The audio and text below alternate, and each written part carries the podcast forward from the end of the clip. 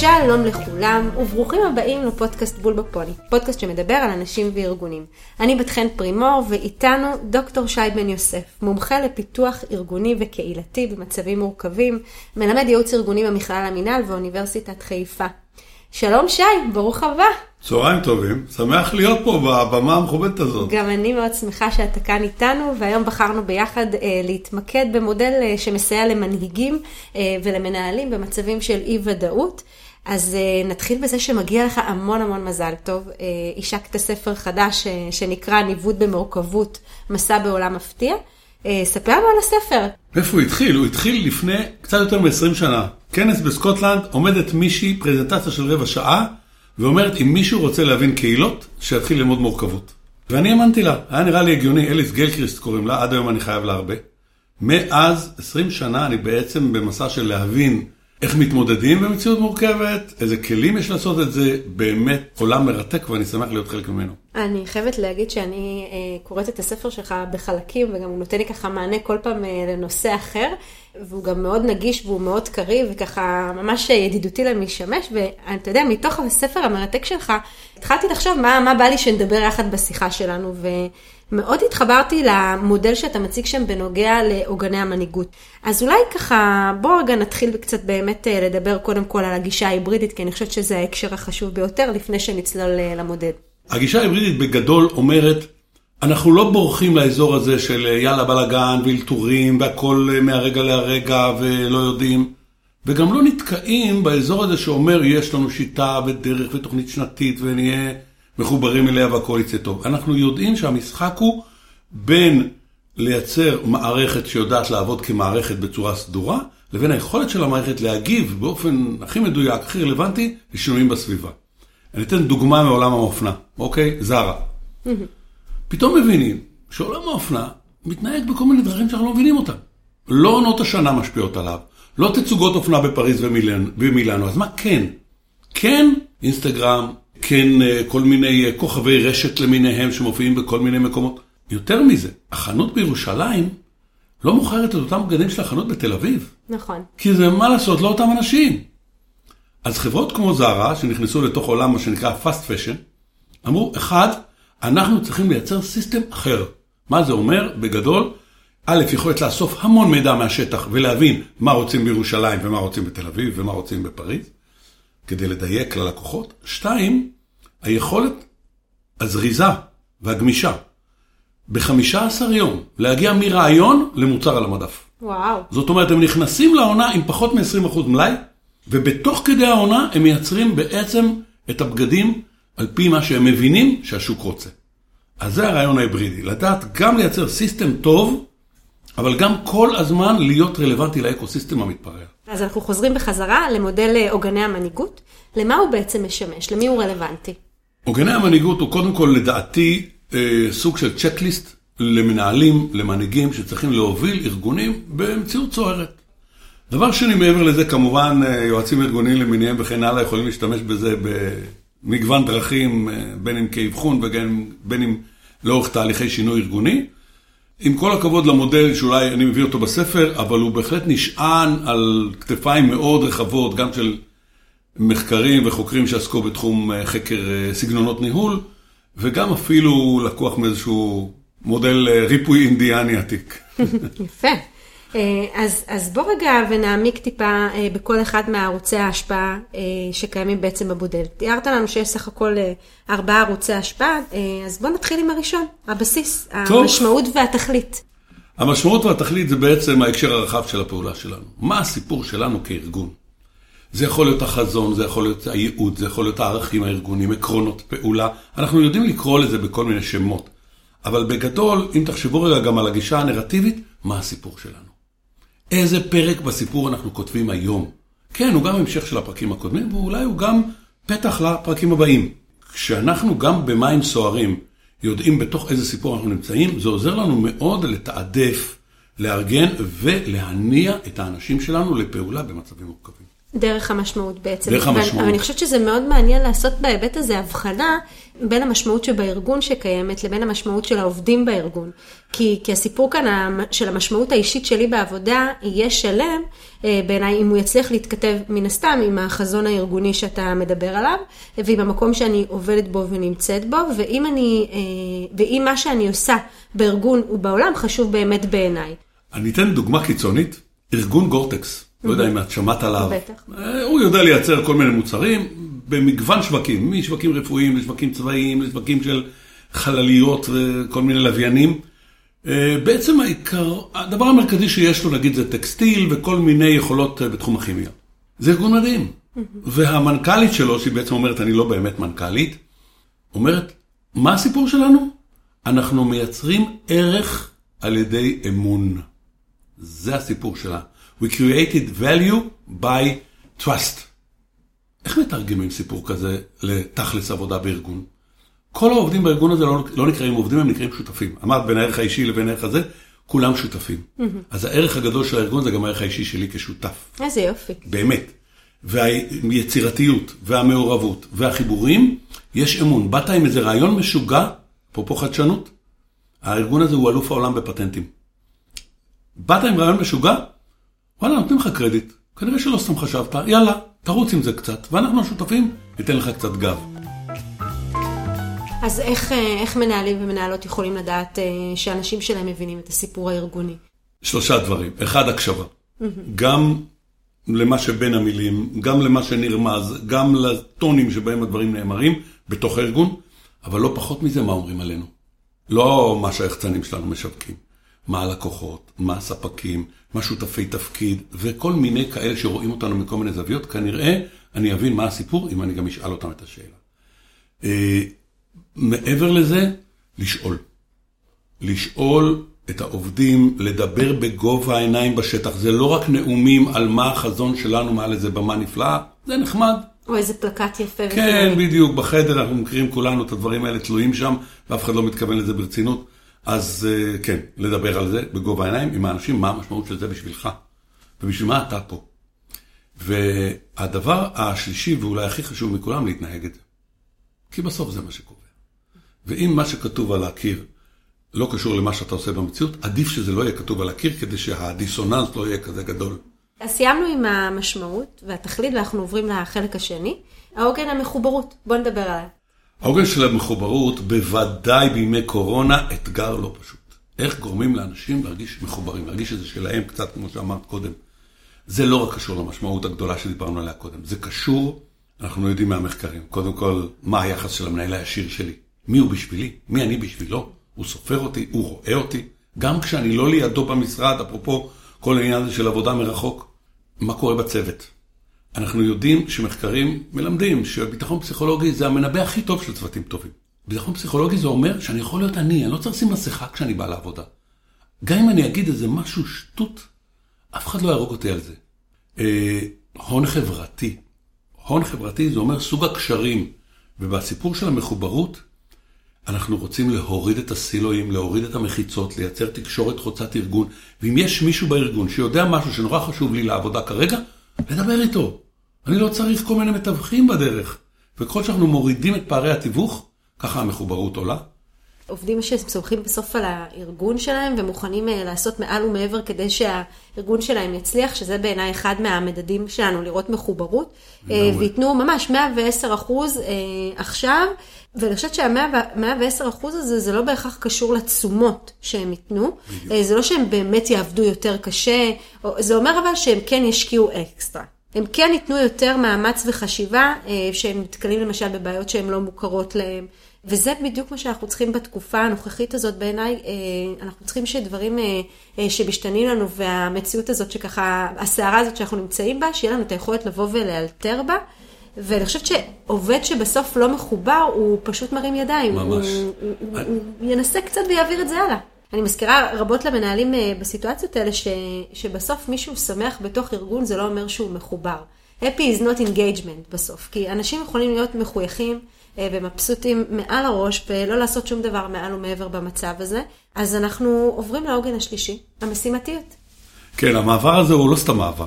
כי שני העוגנים הקודמים, המשמעות והתכלית מצד אחד, והמחוברות מצד שני, מאוד מחברים אותנו לאקו-סיסטם, אוקיי? כי המשמעות והתכלית נותן לנו את התמונה הרחבה ואת החיבור לעולם כולו, והמחוברות נותן לנו את הרשתיות הארגונית וכל מיני דברים חשובים, והנה המשימתיות הגיעה כדי להנחית אותנו אל הקרקע, כדי להגיע לסיסטם. ובסוף השאלה, איך בתוך כל הבלאגן הזה, אנחנו מסוגלים להגדיר משימות קונקרטיות. כי עם כל הכבוד למשמעות ולמחוברות, אם אני לא יודע מה מצפים ממני, כנראה שאני לא אעשה שום דבר. דווקא בזמנים מאתגרים, החשיבות של להבין משימות קונקרטיות ולייצר מקומות, משימות קונקרטיות לטווחים קצרים, ולדעת שאנחנו מדי פעם עושים איזושהי התבוננות, מבינים מה רלוונטי, לא רלוונטי, משפרים, אבל כל הזמן מדויקים על מה אנחנו צריכים לעשות מחר, מה אנחנו צריכים לעשות בעוד שבוע. מה בעוד חודשיים? לא בטוח שאנחנו יודעים. אבל לפחות לטווח הקרוב מייצרים לעצמנו איזושהי ודאות מסוימת בהקשר של היכולת שלנו להוציא לפועל, יותר מזה, ההצלחות הקטנות האלה מלמדות אותנו, וואלה, גם בתוך כל הבלאגן, את שלנו אנחנו מצליחים לעשות. וזה בונה את האמון ובונה הרבה מאוד ממה שהארגון צריך במצבים חירום. אין ספק, התחושת המסוגלות פה היא סופר קריטית בעיניי, במיוחד אה, בתקופה המוטרפת שאנחנו נמצאים בה היום. קודם כל, זה שאנחנו מציבים אה, מטרות שהן אה, ברורות, זה אקט בעיניי מנהיגותי סופר קריטי, כי הוא זה שמייצר לנו בסוף את הוודאות. כאילו יש משהו בעניין הזה שאנחנו נשארים מאופסים. בזכות זה שאנחנו מסתכלים על הטווח הקצר בהיבט הזה, ואני חושבת שזה מסר שמעביר לנו שהכל רועד, אבל אני יודע מה אני צריך לעשות בתוך הטירוף הזה. וזה די פשוט, כי צריך אה, פשוט רק לוודא באותו רגע נתון שאנשים יודעים אה, על מה הם אחראים, אה, וזה משאיר אותם בפוקוס. עכשיו, כשאנחנו לא עובדים בחזרתיות על אותם הדברים, שזה גם מאוד התחברתי שכתבת mm-hmm. על זה, אז מאוד קל לנו להתפזר. אה, בטח כשהרבה דברים שאתה נדרש לעשות, אה, הם אה, משלבים בתוכם אלמנטים של גילוי ושל למידה, נגיד טכנולוגיה חדשה, או ממש. איזשהו תוצר חדש, או שותפים שאתה מכניס אותם, ותמיד יש איזשהו משתנה שאתה לא מכיר, והחזרתיות הזאת, כמו אצל ילדים, השגרה הזאת היא עוזרת לאותו בן אדם. דבר נוסף שאני חושבת שככה, שתומכת את המשימתיות, זה בכל ההקשר של המבנה הארגוני התומך. בסוף אה, זה מתחבר גם למה שאמרת בהקשר של המחוברות בעיניי, כי בדרך כלל אה, דרך השטחה של היררכיות, או יצירה למשל של צוותי משימה, אנחנו יודעים לחתוך את הבירוקרטיה אה, ממש בסכין. ממש. ואז אנחנו כן יכולים להתמקד במשימות שהן משימות מפתח, משימות שהן קצרות טווח, ואנחנו מגיבים יותר מהר, ואנחנו צריכים להמשיך הלאה. מצוין, חותם לגמרי על כל מילה, וחלק מהמילת הקסם בהקשר הזה זה הביזוריות. אנחנו קצת מדברים בהקשר הזה בסיסמאות של לעבור מ-Command and Control ל-Connect and Collaborate. זאת אומרת, אנחנו מבינים שאנחנו לא באמת יכולים לשלוט. ולכן ככל שאנחנו סומכים על האנשים שלנו, ואנחנו נותנים להם לסגור מענה במעגלים מאוד מאוד קצרים, שקרובים לשטח, בעצם מאצילים סמכויות, מבזרים, אנחנו מסוגלים לקבל תשובות הרבה יותר טובות. בוא נדבר קצת על אה, שיטתיות. נראה כאילו שהשיטתיות זה האויבת של, הבלתי נודע. כי אם זה לא נודע, איך אתה עושה שיטה לעבוד עם זה? התשובה היא לגמרי כן. זה הפרדוקס. העוגן של השיטתיות הוא השאלת האיך. איך עובדים בסיטואציה. כן. מהם הנהלים שלנו? מהם השגרות שלנו? כן, לייצר שגרות כמו שאנחנו מכירים במקומות אחרים. אה, לוח פעילות יומי. מהם השגרות על הלוח היומי שאני הולך איתם? מהו אותו בוקר, כמו בשיטת הסקראם, באג'ייל, אותו בוקר שעושים ישיבה חפוזה, מבינים איפה אנחנו, ממשיכים הלאה. אמ, יוצרים שגרות, יכול להיות על היום ויכול להיות על השבוע. יוצרים תהליכי למידה, כדי לייצר למידה מהירה, מה שאמרנו קודם, כדי לעדכן את המשימות כמו שצריך, מבנים תהליכי למידה לתוך תהליך העבודה, כי אנחנו יודעים שאנחנו לא יודעים. מייצרים פרגון לכישלונות, כמו שאמרתי קודם, הצלחות קטנות, גם כישלונות קטנים זה רעיון לא רע בכלל. למה? עדיף לתפוס את הכישלון כשהוא קטן, mm. ללמוד ממנו, ולתת לאנשים את ההבנה, אמרנו ביטחון פסיכולוגי, שכאן אפשר גם לטעות, כחלק מהשיטה. אבל השיטתיות היא עוגן קריטי, כי כל שלושת האחרים נשענים עליו. אני חושבת שזה רעיון אה, מארגן פשוט, אבל כל כך חכם, אה, מה שתיארת לנו כאן, כי אם בסוף הסביבה שלנו משתנה, ואנחנו נדע לייצר, כמו שתיארת לנו, עוגנים של התנהלות והתנהגות, שייצרו לנו איזשהו סדר ומסגרת, אז קודם כל יש לנו יותר אה, אי ודאות, וזה מרגיע לנו את המערכת, ואחר כך זה גם תומך בתהליכי הליבה של הארגון שלנו. התהליכים הרלוונטיים ככה שחשובים לנו בהתנהלות mm-hmm. השוטפת שלנו ביום-יום שלנו. ואני חושבת שבהיבט הזה גם חשוב לנו, אגב, להיות אה, מאוד ערניים לזה שיש לפעמים אה, שגרות שיכולות להיות מועילות אה, ורלוונטיות בתקופה מסוימת, או למשל אל מול פרויקט מסוים, ואז הם כבר לא. כי זה כבר לא רלוונטי, והאויב השתנה, או הסערה השתנתה, וצריך לדעת בעיניי גם לדעת לחתוך אה, ולמצוא את השגרה החדשה, ולא להיאחז בה בכוח. אני רוצה להגיד משהו על שיטתיות, דוגמה, שמאירה את זה באור אחר. גם אוקיי. לא בתנאי אי ודאות, אבל בתנאי מורכבות. יצא לי לעבוד עם אה, חברת בנייה, שיודעת לעשות שני דברים. היא גם יודעת לעשות יוזמה, היא מחפשת קרקעות שעליהן אפשר לתכנן ולבנות, והיא גם קבלן בנייה, היא גם יודעת לבנות. ושני החלקים האלה בחברה, שכל אחד מהם עובד מצוין, החיבור ביניהם לא היה פשוט. אה, יצרו הרבה מאוד אתגרים אחד לשני, לא ניכנס כרגע לכל הסיפור. ועשינו עבודה על המורכבות, וחקרנו את המורכבות, והבנו אותה ביחד. ובסופו של דבר הבנו שמה שצריך לשנות זה משהו קטן מאוד בשיטה. לפעמים שינוי קטן עושה תוצאות ענקיות. פשוט לקחנו את אותו מנהל פרויקט, שיש לו אחריות ברגע שהוא עולה על הקרקע להתחיל לבנות, הזזנו את האחריות שלו לסוף שלב היוזמה. כך שבעצם הוא מבשל לעצמו את האוכל שהוא הולך לאכול אחר כך. השינוי הקטן הזה גרם לשינוי אדיר בממשק שבין היוזמה לבין הקבלנות בחברה הזאת. מדהים, איזה יופי. וזה בדיוק העניין, לפעמים אנחנו מוצאים שיטה קטנה שיכולה לעשות שינוי מאוד גדול. אז בספר אתה בעצם אה, מתאר לנו את המתחים אה, שאופייניים, זה נשמע מאוד אידילי מה שתיארנו, אבל אתה מתאר לנו את המתחים האופייניים בארגונים אה, ומנתח אותם דרך המודל הזה של עוגני המנהיגות. בוא נצלול לשם קצת, ספר לנו טיפה איזה מתחים. טיפה על המתחים. כן. אז יש מתחים שאנחנו מכירים אותם, כל מי שקצת למד ניהול מכיר, מכירים את המתחים. מתח בין מכוונות לאנשים למכוונות למשימה. אלה. ברור שאם אני רץ למשימה ואנשים רואים רק את הגב שלי, כנראה הם לא יהיו איתי. אם אני כל היום מחבק את כולם והכל בסדר, כנראה שמשימות לא גדולות לא יצאו משם. לכן צריך איכשהו לאזן בין זה לזה. אני חושבת שזה מתח סופר קריטי, כי זה בא הרבה לידי ביטוי. מצד אחד, אה, יש לנו איזושהי אחריות למשימה, אה, שהיא באה על ידי זה שאנחנו מקפידים לעמוד ב- ביעדים שלנו ובביצוע היעיל שלנו, ומצד שני, דיברת על המחוברות אה, אינסוף במודל הזה, שהיא נוצרת כתוצאה מהאחריות שלנו לאנשים. ואני חושבת שזה באמת הדאגה שיש לנו בקישקע ככה לאנשים שלנו ביחד. ולהתפתחות המקצועית שלנו, וזה פשוט מש- מדהים לראות איך זה משפיע גם על המוטיבציה וגם על השביעות הרצון של האנשים בהיבט הזה.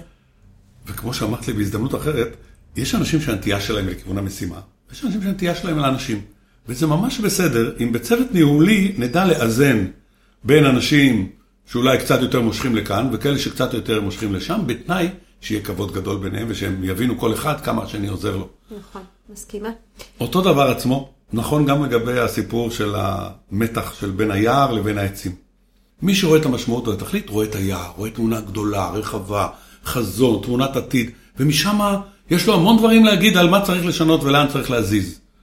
ומי שרואה את העצים, את הפרטים הקטנים, מבין את האילוצים של היום-יום, את אילוצי התקציב, את אילוצי לוח הזמנים, את אילוצי היעדים הנוכחיים, אי אפשר כל היום רק לחלום רחוק. אומר להוא שרואה את היער, תרד רגע אולי לקרקע ותתחבר אלינו תרד למציאות. מה-30,000 תבין, רגל. תבין את האילוצים, וההוא, מה-30 אלף רגל, מאותו, אותה תצפית נפלאה, אומר לחבר'ה מהאקסלים, תצאו רגע מהאקסלים שלכם, תבינו שאתם אולי עובדים נכון, אבל אתם רצים לכיוון הלא נכון, אני רואה את זה מהמקום שאני נמצא. והמתח הזה לפעמים יכול לחרב ארגונים, נכון. אבל לפעמים הוא יכול לבנות צוותים. כי ההוא, מלא הרעיונות והחזונות, שהוא פוגש את החבר'ה של התכלס והביצוע, נותן להם כבוד, ומבין שהם אולי מחברים אותו בדרך הנכונה אל הקרקע, והם מבינים שהבן אדם הזה נותן להם השראה, ועוזר להם למצוא את הכיוון שהוא הרבה מעבר לעניין הקונקרטי שהם עוסקים בו. לכן זה מאוד חשוב האיזון ממש, הזה. ממש, אין ספק שאנחנו חייבים בארגון שיהיה לנו את שני הסקלות האלה, את שני, את שתי הקצוות האלה בסקאלה, ואני באמת אה, חושבת שמאוד נדיר למצוא אה, במנהלים אה, אה, טובים את שתי הפרספקטיבות האלה, והעצה שלי היא קודם כל להיות מודע לזה, מה יש לך יותר באחד מהדברים האלה, ואז לבנות איזושהי רשת של אנשים אה, שככה יכולים לתמוך בך חזק, אה, באותו צד שאתה פחות חזק בו, אה, וזה הרבה פעמים יכול להיות המספר שתיים שלך. מצוין. אני יודע שיש לי מלא נקודות עיוורון, וטוב מאוד שיש פה כמה אנשים שרואים מה שאני לא רואה. לגמרי, להיות מודע. לזה פשוט. כן, אז כן. איזה עוד מתחים יש לנו, שי? יש מתח אחד שדיברנו עליו קודם, וזה המתח בעצם שבין הסיסטם לאקו-סיסטם, אוקיי? השיטתיות והמשימתיות לוקחות אותנו לכיוון התכלס הארגוני הרגיל של קביעת יעדים, משימות, תהליכים סדורים. המשמעות התכלית והמחוברות תמיד מוציאות אותנו מעבר לכאן ועכשיו, תמיד מכניסות לנו עוד קצת בלאגן, אבל זה טוב כי זה מכניס אותנו למודעות לדברים שאולי אנחנו לא רואים אותם דרך הסיסטם הארגוני. אבל אני רוצה לדבר פה על עוד מתח אחד, וזה המתח שבין הכלה להובלה. דווקא במצבים מורכבים, גם אנחנו לפעמים כמנהלים נמצאים בלחץ. וזה גורם לנו להוביל ולרצות לזוז קדימה, ויאללה, צריך לעשות.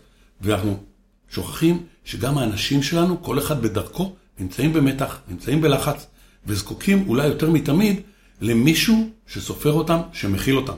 תחשבו בקורונה, אנשים שיושבים בבית, הילדים קופצים מפה ומשם, הם צריכים שהאלה בזום יבינו שאני פה לא רק בזום, אני גם בבית, וזה בסדר שהילד נכנס שם באמצע, וכולם אומרים איזה חמוד הבחור הזה.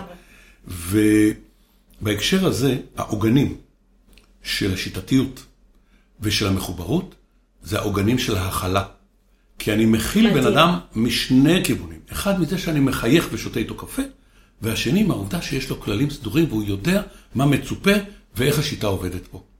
הצד השני, הצד של ההובלה, כשאני מוביל אנשים בתוך הערפל לאי ודאות, אני מוביל אותם על שני העוגנים, אחד של המשמעות והתכלית, להבין למה גם כשאנחנו לא רואים כלום, אנחנו עדיין עובדים בשביל עניין מאוד מאוד חשוב. הדבר השני, המשימתיות, כמו שאמרתי. גם כשאני לא מבין את התמונה הגדולה, אני יודע מה מצפים ממני כרגע. אז ההובלה היא דרך התמונה הגדולה ודרך התמונה הקטנה. שלא תנצח. כן, כן, ההכלה היא דרך השיטתיות והכללים והמחוברות והסופרים אותי. בוא נעבור לחלק הפרקטי. איך המנהלים והמנהלות שמקשיבים לנו כרגע אה, יכולים אה, להשתמש בעוגני המנהיגות באופן פרקטי בארגון שלהם? אז פרקטי אחד, הזכרת קודם וזה מצוין.